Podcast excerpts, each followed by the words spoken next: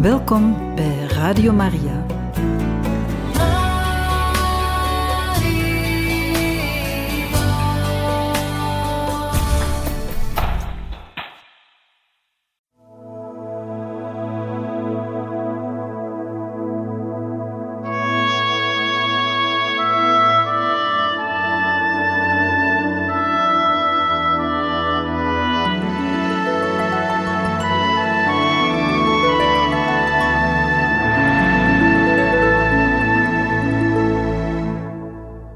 Moeder Teresa's congregatie die telde in 1979 meer dan 900 geprofeste zusters en er waren ongeveer 200 geprofeste broeders. Ze kwamen uit 18 verschillende landen en de Indiërs waren in de meerderheid. Tientallen jonge vrouwen ontvingen hun opleiding. De zusters beheerden 99 stichtingen, waarvan 66 in India de overige bevonden zich in Venezuela, Rome, Tanzania, Australië, Jordanië, Londen, New York, Bangladesh, Mauritius, Jemen, Peru, Ethiopië, Nieuw-Guinea en nog andere. De broeders bestuurden veertien huizen in India en onder andere ook in de Verenigde Staten van Amerika en Zuid-Azië. Op 1 maart 1979 ontving moeder Teresa in Rome de Balzanprijs, die ze kreeg voor haar bijdrage aan het mensdom, de vrede en de broederlijkheid onder de volkeren. Aan de prijs, overhandigd door de president van Italië, Alessandro Pertini, was een som van 250 miljoen lire verbonden. Het geld werd aangewend voor de leprozencentra.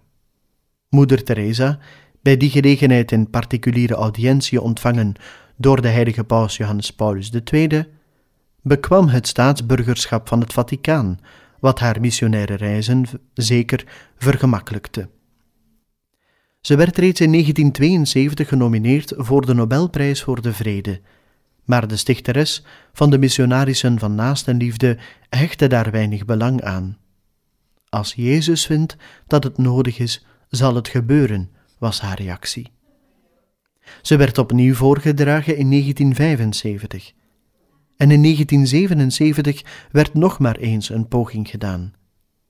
Maar in 1979 werd op 17 oktober bekendgemaakt dat deze bijzondere vredesprijs werd toegekend aan Moeder Teresa. Dit werd algemeen beschouwd als een hulde aan het werk van de zuster van Calcutta. Een Nobelprijs voor armenzorg, was een reactie daarop. Het gaf de kleine religieuze veel aanzien, ook buiten de katholieke kerk. Professor John Sannes, voorzitter van de commissie te Oslo, die de Nobelprijs toekent, gaf bij de aankondiging op 17 oktober 1979 dat de Nobelprijs voor de Vrede toegekend werd aan Moeder Teresa de volgende toelichting. Omdat zij haar baan als onderwijzeres opgaf om zich helemaal te kunnen wijden aan haar werk ten bate van de Indiaanse armen. Dit jaar is de wereld geconfronteerd met het probleem van kinderen en vluchtelingen, en dat zijn juist de mensen voor wie Moeder Teresa zich zo onbaatzuchtig heeft ingezet. Respect voor het menselijke individu is altijd een onderdeel geweest van haar werk. De meest eenzamen, de meest ongelukkigen en de stervenden hebben uit haar handen medeleven zonder neerbuigendheid ontvangen, gebaseerd op eerbied voor de mens. De wereld richtte in 1979 haar aandacht op kinderen en vluchtelingen, en dat zijn de groepen waarvoor Moeder Teresa zich al jaren inzette. Moeder Teresa werd verkozen uit liefst 56 kandidaten. Aan de prijs was een bedrag van toen 5,5 miljoen Belgische frank verbonden. De reactie van moeder Teresa bij het vernemen dat die prijs aan haar werd toegekend was deze: Ik heb dit echt niet verdiend. Tijdens een interview voor de Indiaanse televisie zei de 69-jarige religieuze: Ik aanvaard de prijs in naam van de armen en zie het als een erkenning van de aanwezigheid van de armen in de wereld. Het geld zal ik gebruiken voor het bouwen van meer tehuizen voor armen en in het bijzonder voor lepraleiders. Moeder stuurde een dergelijke reactie naar de organisatoren. Dat ze de prijs wou in ontvangst nemen namens de armen werd aanvaard. Het bekomen van die prestigieuze Nobelprijs veranderde niets aan haar eenvoudige en nederige levenswijze. Sanderendaags was het overal ter wereld voorpagina nieuws in de kranten. De krant The Daily Telegraph schreef op 18 oktober 1979 dat moeder Teresa in haar hoofdkwartier te Calcutta bezig was met het regelen van voedselvoorraden om uit te delen onder de mensen van de sloppenwijken, toen het nieuws van de Nobelprijs haar meegedeeld werd door journalisten. Zij vertoonde geen emotie. Ze zei dat het Gods wil was en het geld zou besteed worden aan de dienst van de armen. Moeder zei dat ze heel weinig voor de armen kon doen. Er moest alvast meer gedaan worden. De marxistische regering van West-Bengalen had haar alle kansen geboden om haar hoofdklooster uit te breiden. Een nieuw gebouw werd nu toegevoegd aan het bestaande, van waaruit de activiteiten van haar missionarissen van naaste liefde in meer dan honderd landen werden geleid. Het blad, de International Herald Tribune, meldde die dag dat moeder Teresa als winnares van de Nobelprijs in het spoor volgde van Henry Kissinger, voormalig minister van Buitenlandse Zaken van de Verenigde Staten, de Egyptische president Anwar Sadat en de Israëlische eerste minister Menachem Begin. Moeder Teresa werd nu verkozen voor de Amerikaanse president Jimmy Carter, die genomineerd werd wegens de overeenkomsten van Camp David tussen Egypte en Israël en voor meer dan vijftig andere kandidaten. Moeder Teresa ontving gelukwensen van Nilam Sanjeeva Reddy, president van India, vermits zij de tweede burger van India was die deze prijs won, na Tagore, die in 1913 de Nobelprijs voor letterkunde kreeg. De president van India noemde haar een nobele vrouw en hoopte dat ze nog lang met haar werk kon doorgaan. Premier Singh zei dat India trots was dat moeder Teresa de Nobelprijs naar het land bracht, dat zij had aangenomen als het hare. Voor de bijna zeventigjarige non begon het werk intussen zwaar te worden. Ze liet haar medezusters die haar bijstonden verstaan dat ze te oud en te ziek was om de algemene leiding van de congregatie verder op zich te nemen. Ze zei dat ze oud en moe was dat het moeilijker werd voor haar om het werk te doen. Het zou beter zijn dat men nu een jongere zuster als generale overste zou hebben. Het generaalkapitel werd, zoals gebruikelijk, voorbereid door gebed en versterving. Op 21 november 1979 werd moeder opnieuw verkozen. Zuster Agnes en zuster Gertrude, die haar eerste twee postulanten waren geweest, vergezelde de stichteres voor een vierdaagse reis naar de Noorse hoofdstad Oslo, waar ze aankwamen op 8 december 1979, feest van Maria onbevlekt ontvangen. Het was daar min 10 graden Celsius.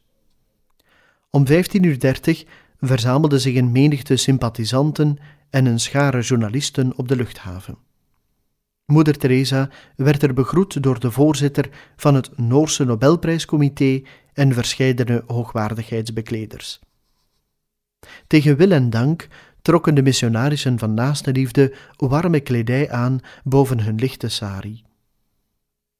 Tijdens een druk bijgewoonde persconferentie over de honger, de vrede en de gerechtigheid in de wereld, zei de zuster tot een journalist: Gij en ik, wij moeten werken voor de vrede. Het is een plicht voor ons en voor alle mensen. Het machtigste wapen om de vrede te bereiken is de liefde en het leven met God. Na de ontmoeting met de pers en de media ging het naar de Indische ambassade, steeds te midden van een dichte menigte. Daar werden moeder Teresa en haar medewerkers opgewacht door wel duizend gasten.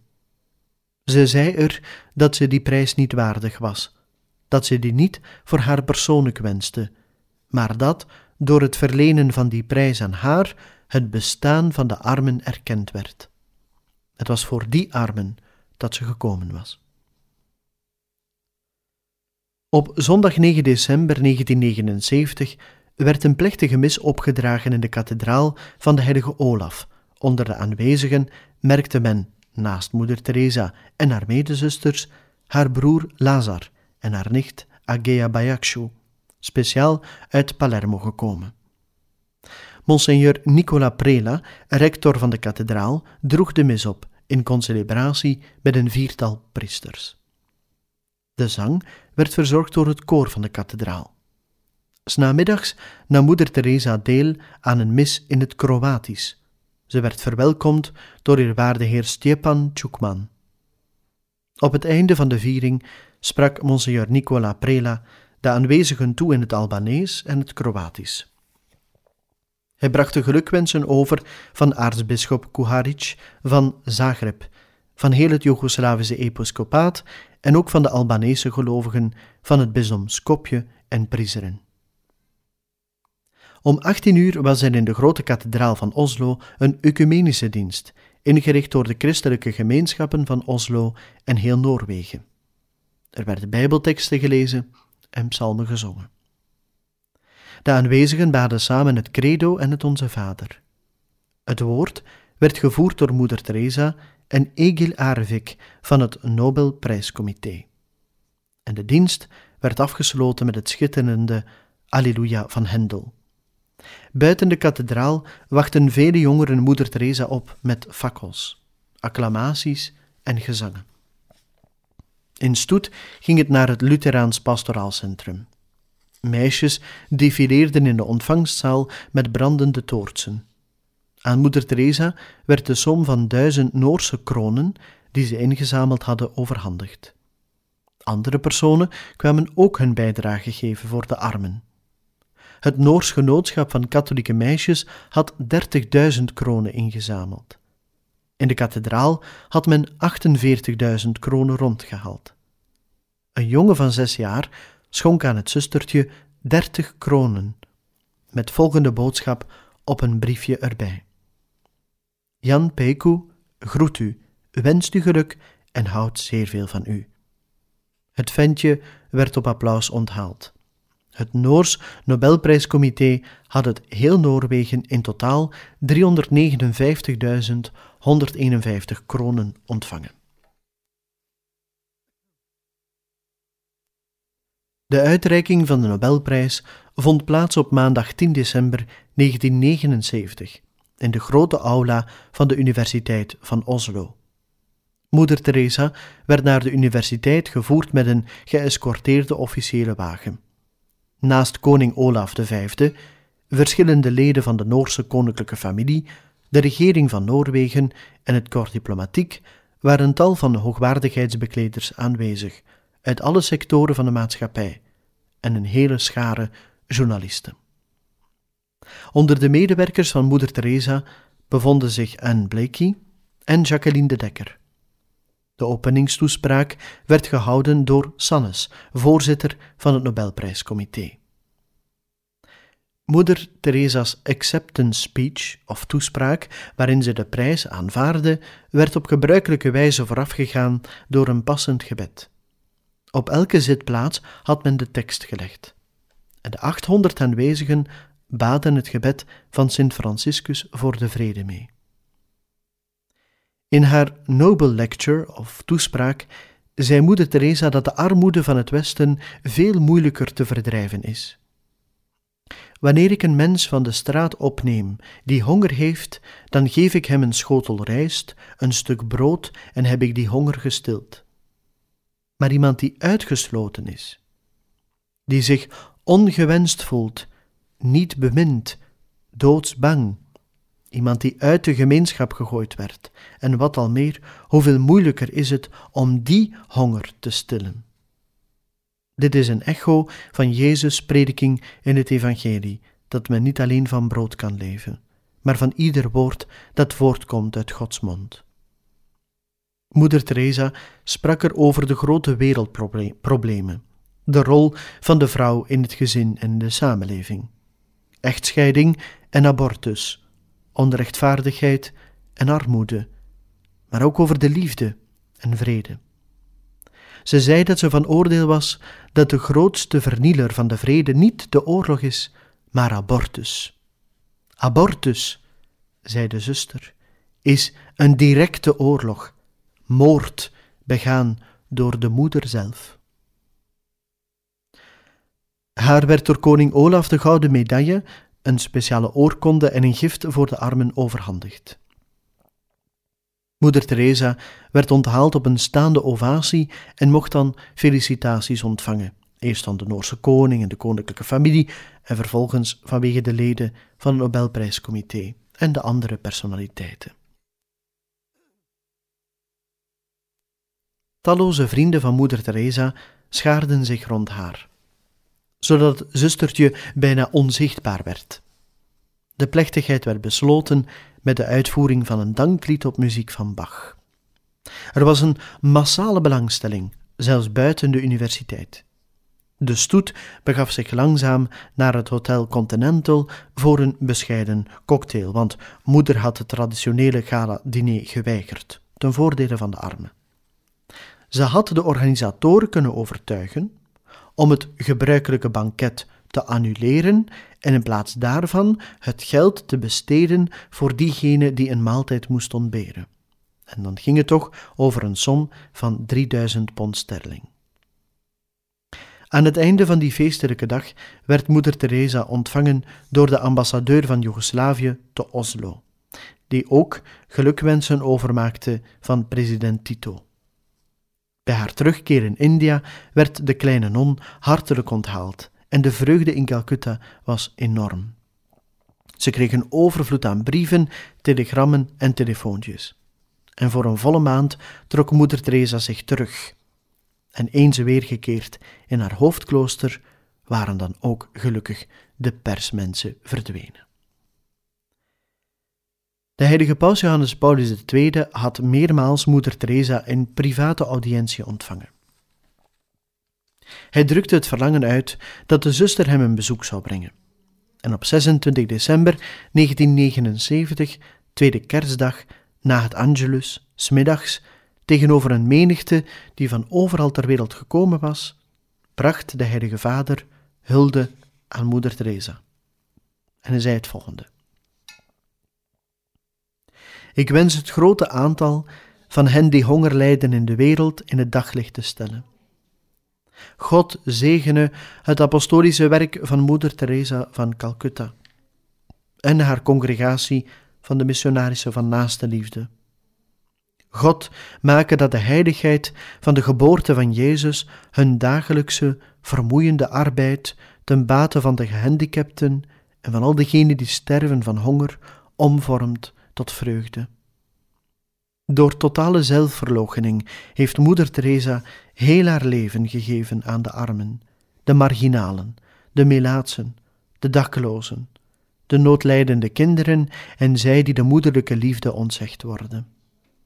Zij houdt niet op getuigenis af te leggen van de kracht van de broederlijke liefde en spoort al dus aan tot waarachtige menselijke en sociale vooruitgang.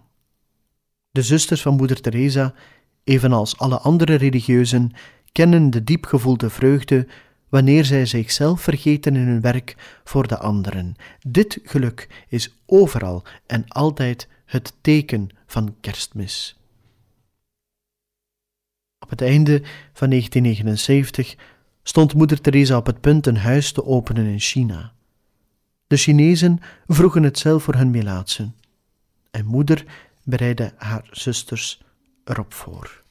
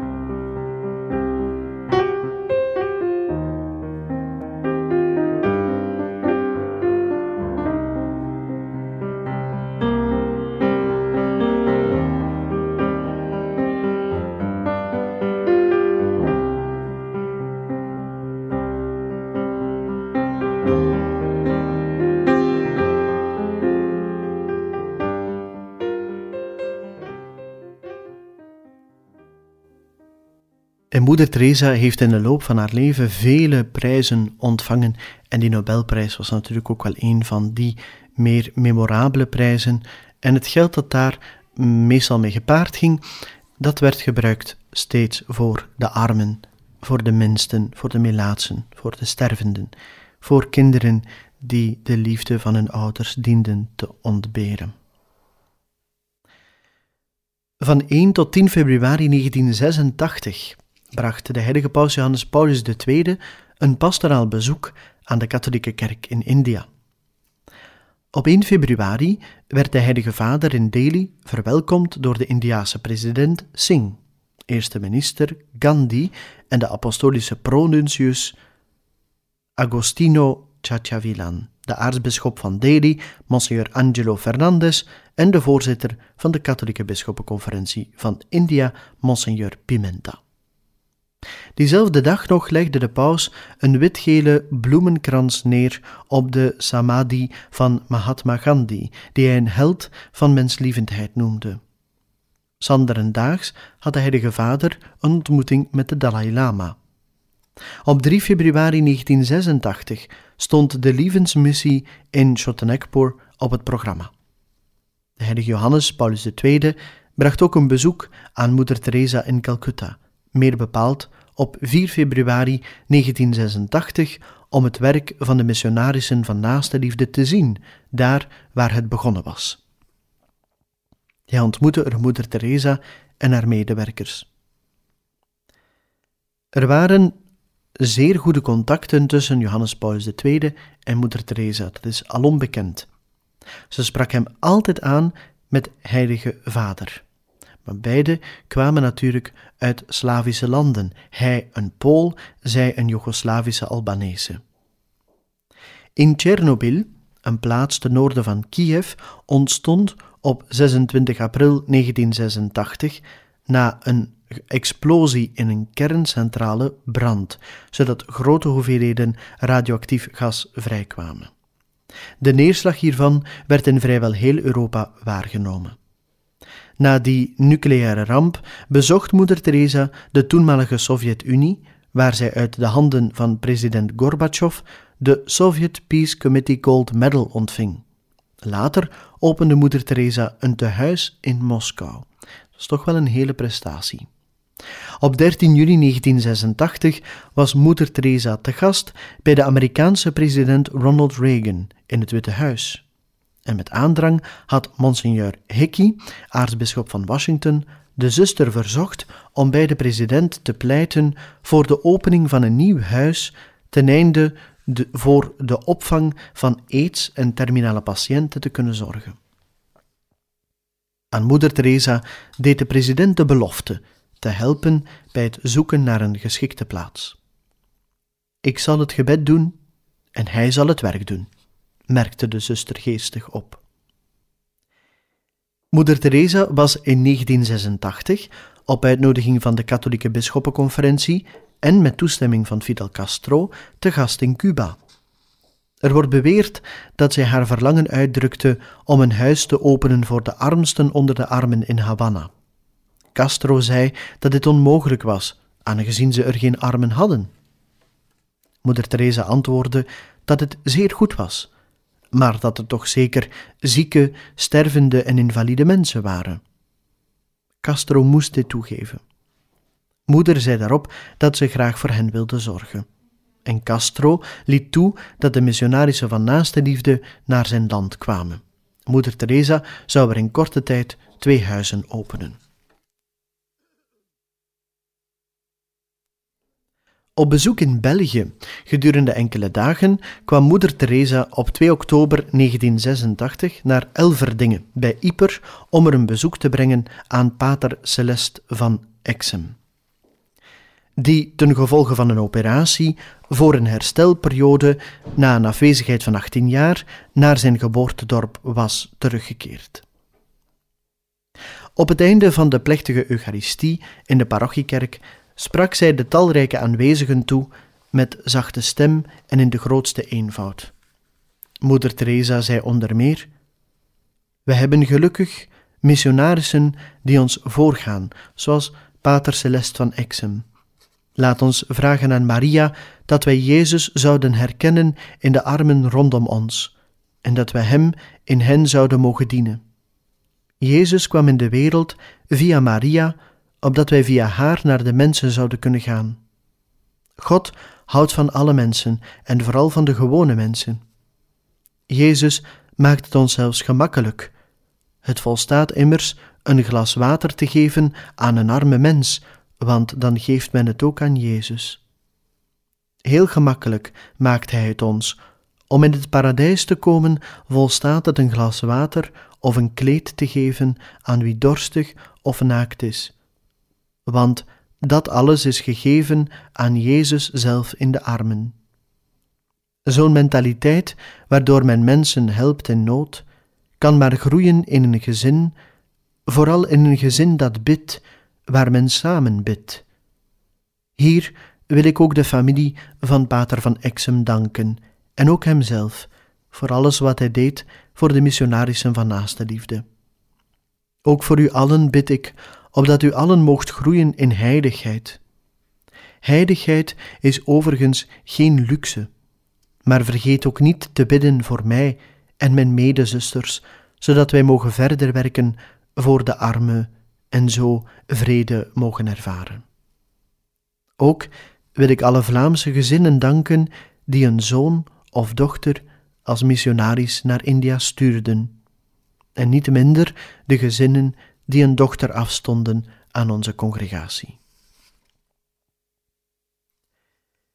Moeder Teresa woonde tegen de middag aan de Menenpoort te Ypres een speciale last post bij, een eerbetoon aan de gesneuvelde soldaten van de Eerste Wereldoorlog.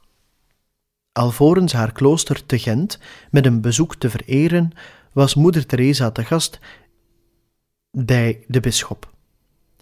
Tijdens haar bezoek aan België werd moeder Teresa ook ontvangen door koning Boudewijn en koningin Fabiola op het koninklijk kasteel te Laken.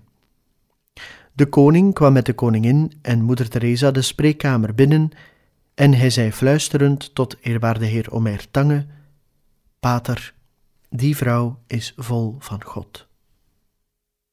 De koning was onder de indruk van het gesprek dat zij met haar hadden. De vorst vroeg toen wat hij haar als frisdrank kon aanbieden. Dank u, sire, zei ze beleefd. Wij aanvaarden nooit iets te eten of te drinken wanneer we ergens op bezoek zijn. De armen in de krottenwijken en sloppenwijken wordt zelden iets aangeboden. Uit eerbied en medeleven met hen weigeren wij steeds. U zult het wel begrijpen. Het is ter gelegenheid van dit bezoek aan het Belgische koningspaar dat Boudewijn en Fabiola de zuster naar hun private kapel brachten, waar zij zelf elke dag kwamen bidden. De koning nodigde moeder Teresa uit om samen het heilig sacrament te vereren, en hij opende de deurtjes van het tabernakel. Nadat zij een tijdje gebeden hadden, vroeg moeder Teresa waarom zij geen monstrans gebruikten voor de verering van de heilige hostie. En de zuster beloofde er een op te sturen, wat ze overigens ook gedaan heeft.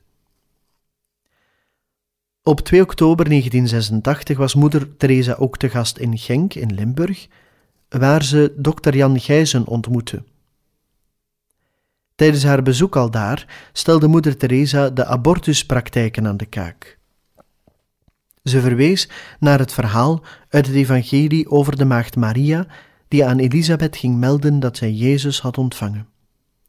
Ook Elisabeth was zwanger. En toen zij er aankwam, sprong het kind van vreugde op in haar schoot. Het is eigenaardig, zei moeder Teresa, dat God een ongeboren kind uitkoos om de komst van Christus aan te kondigen. In de Limburghal sprak de zuster tot een duizendtal pleegouders met hun aangenomen kinderen over onze verbondenheid met God. Ik geef kinderen aan gezinnen niet omdat wij niet zelf voor hen kunnen zorgen, maar opdat deze kinderen dan de tedere liefde van een moeder en een vader leren kennen, zei moeder Teresa tijdens haar ontmoeting daar met de vreugdezaaiers, pleegouders van Indiase kinderen. Moeder Teresa bleef op 11 oktober 1986 ongedeerd bij een vliegtuigongeluk in Tanzania. Het vliegtuigje stortte ergens in centraal Tanzania kort na het opstijgen neer op een groep mensen die haar vertrek gadesloegen. Moeder Teresa, de twee andere passagiers en de piloot van het toestel bleven ongedeerd, maar onder de toeschouwers vielen zes doden en twee gewonden. Het was moeder Teresa's bedoeling naar Tabora te vliegen, om er de professie van zeven van haar zusters bij te wonen. Een reis ondernemen per vliegtuig met moeder Teresa aan boord was een garantie voor veiligheid, zei men wel eens. In 1986 had moeder Teresa's congregatie in totaal 315 huizen, waarvan 149 buiten en 146 in India. Men was werkzaam in 75 verschillende landen en haar congregatie telde meer dan 3000 leden. Omdat de missionarissen van naaste liefde nu op veel plaatsen aanwezig waren in India, konden ze voortaan nog meer uitbreiden overal ter wereld als een waarachtige universele congregatie. Er waren steeds meer aanvragen van bisschoppen. Er was ook een gestadige toename van het aantal novicen uit minstens 70 landen. Moeder Teresa deed in 1986 liefst 21 buitenlandse stichtingen. Zelfs God de Vader weet niet waar moeder zich momenteel ophoudt. Dat werd al lachend gezegd in het moederhuis te Calcutta.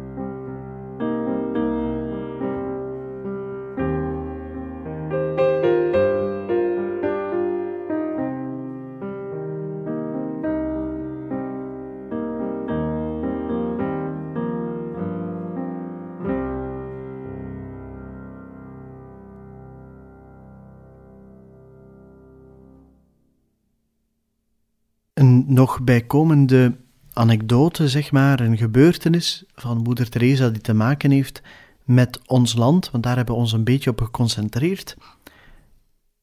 Dat is dat zij op Pinksterzondag 4 juni 1995 in Koekelberg in Brussel de zaligverklaring van Pater Damiaan heeft bijgewoond. Voor haar was deze missionaris van de Melaatsen een voorbeeld en een bron van inspiratie. De zuster had vaak bij de Heilige Vader aangedrongen opdat Pater Damiaan zalig zou verklaard worden. Ze heeft er dus in ruime mate toe bijgedragen. In 1984 werd door haar reeds een brief gestuurd naar de heilige paus Johannes Paulus II in verband met een mogelijke zaligverklaring van de held van Molokai, waarin ze onder meer schreef: Heilige Vader, onze melaatsen en alle mensen op aarde smeken u om hem deze gunst te verlenen, een heilige, een martelaar met een hart vol liefde en een mooi voorbeeld van gehoorzaamheid voor ons, religieuzen. Ik geloof dat voor deze zaligverklaring een wonder vereist is. Ik ken een echt mirakel. In het hart van de Melaatsen leeft geen angst meer voor de ziekte, geen angst meer om het te zeggen, geen angst meer om zich te laten behandelen. Daarentegen leeft nu de hoop om genezen te worden. De verandering bij de mensen en bij de regeringen, meer belangstelling, minder angst, de bereidheid om op ieder ogenblik en voortdurend te helpen, dat is voor mij een van de echt grote wonderen. Dit schrijven mocht echter niet baten, net zo min als de petitie van 33.000 lepraleiders. Rome wilde een wonderbare genezing op voorspraak van Pater Damiaan. En die wist men in 1987 te vinden. En een betroffen zaak uit, 19, uit 1895. De miraculeuze genezing van de Bretoense zuster Simplicita. In 1991 volgde dan de erkenning van dit mirakel. Dat moeder Teresa onder de indruk was van het leven en het werk van Pater Damiaan lag voor de hand. Zij had in en ook buiten Calcutta heel wat gedaan voor de Melaatsen. In het aartsbisdom Orissa werd onder aartsbisschop Henry de Souza een Damien Institute opgericht, dat zich ontfermen zou over de Melaatsen en bestuurd werd door de paters van de Heilige Harten of Pikpussen, waar Pater Damiaan natuurlijk toe behoorde. Moeder Teresa had in 1957 een mobiele kliniek opgericht om de melaatsen in de omgeving van Calcutta op te zoeken. Zij rekende de lepraleiders onder de armsten van de armen, niet alleen vanwege hun lotsbestemming, maar ook door het feit dat ze overal de deur gewezen werden en door hun eigen familie werden gedumpt. Buiten Calcutta werd een centrum voor leprozen in het leven geroepen dat bestuurd werd door de broeders missionarissen van Naastenliefde. Een eigen dorp voor Melaatsen, Stad van Vrede, was een ander initiatief in het district Burdwan, West-Bengalen, en dat in handen was van de missionarissen van Naastenliefde. Moeder Teresa kwam op vrijdag 2 juni 1995 vanuit Warschau aan te Brussel met de Sabena-vlucht SN 276. Pas toen iedereen al in het toestel had plaatsgenomen, te Warschau, wandelde moeder Teresa vanuit de VIP-lounge, vergezeld van een medezuster, naar haar voorbehouden plaats in het toestel. De gezagvoerder heette de 85-jarige zuster speciaal welkom. Ze zat bijna onzichtbaar in die grote vliegtuigzetel, broos, klein en gebogen als ze was. Haar gezicht was diep gerimpeld maar ze was kranig en glimlachte naar iedereen die voorbij kwam. Het contrast met de zakenmensen achter haar die in de business class zaten kon niet groter zijn. Moeder in haar witte sari met blauwe boorden, blootsvoets in haar sandalen, een kopje thee bij de maaltijd. Daartegenover de nette pakken en jurken, bagage in de rekken en champagne bij de maaltijd. Slechts twee Amerikanen kwamen tot bij haar. Ik ben zeer blij u te mogen ontmoeten. God zegen je. De andere passagiers lieten haar met rust, zodat ze wat in de International Herald Tribune kon lezen, of bladeren in de Damiaan-bijlage van La Libre Belgique. Moeder Teresa apprecieerde de goede dingen van het leven en proefde graag van de Godiva-pralines. Heel opvallend was ook dat ze de eierhorstessen vroeg de ongebruikte maaltijden niet weg te gooien, maar met haar mee te geven voor de arme kinderen. Om haar dankbaarheid te tonen, gaf ze aan de bemanning een handvol medailles. Dit is een zuster die heel, heel veel doet voor de armen. Zo probeerde een moeder haar twee kinderen te verklaren waarom al die fotografen en cameramannen op Zaventem samen dromden rond dat kleine, gekromde vrouwtje. Vanwege de verre afstand naar de kapel nam ze plaats in een rolstoel. We danken Jezus voor de komst van Moeder Teresa aan ons land, zei priester Omer Tange, directeur van Missio in het bisdom Brugge in de kapel van de luchthaven. Samen met luchthaven-aalmoezenier Herman Boon en de oversten van de twee huizen van Moeder Teresa's congregatie in België verwelkomde hij Mother. Een vijftigtal aanwezigen, onder meer een tiental zusters van haar congregatie, woonden de korte dienst bij, waarvoor roepingen gebeden werd. De openluchtmis bij de basiliek van Koekelberg op Pinksterzondag 4 juni 1995 werd bijgewoond door 30.000 gelovigen. De Eucharistie werd geleid door de heilige paus Johannes Paulus II, bijgestaan door Godfried kardinaal Daneels en enkele andere kardinalen. Er waren een veertigtal concelebrerende bisschoppen en zo'n 500 priesters. De Belgische koninklijke familie nam plaats op een voorbehouden plaats en moeder Teresa bevond zich in de menigte, samen met haar medezusters en medewerkers. Na de plechtigheid ging ze naar haar klooster te Gent om er aanwezig te zijn op de bescheiden plechtigheid waar enkele novissen hun geloften aflegden.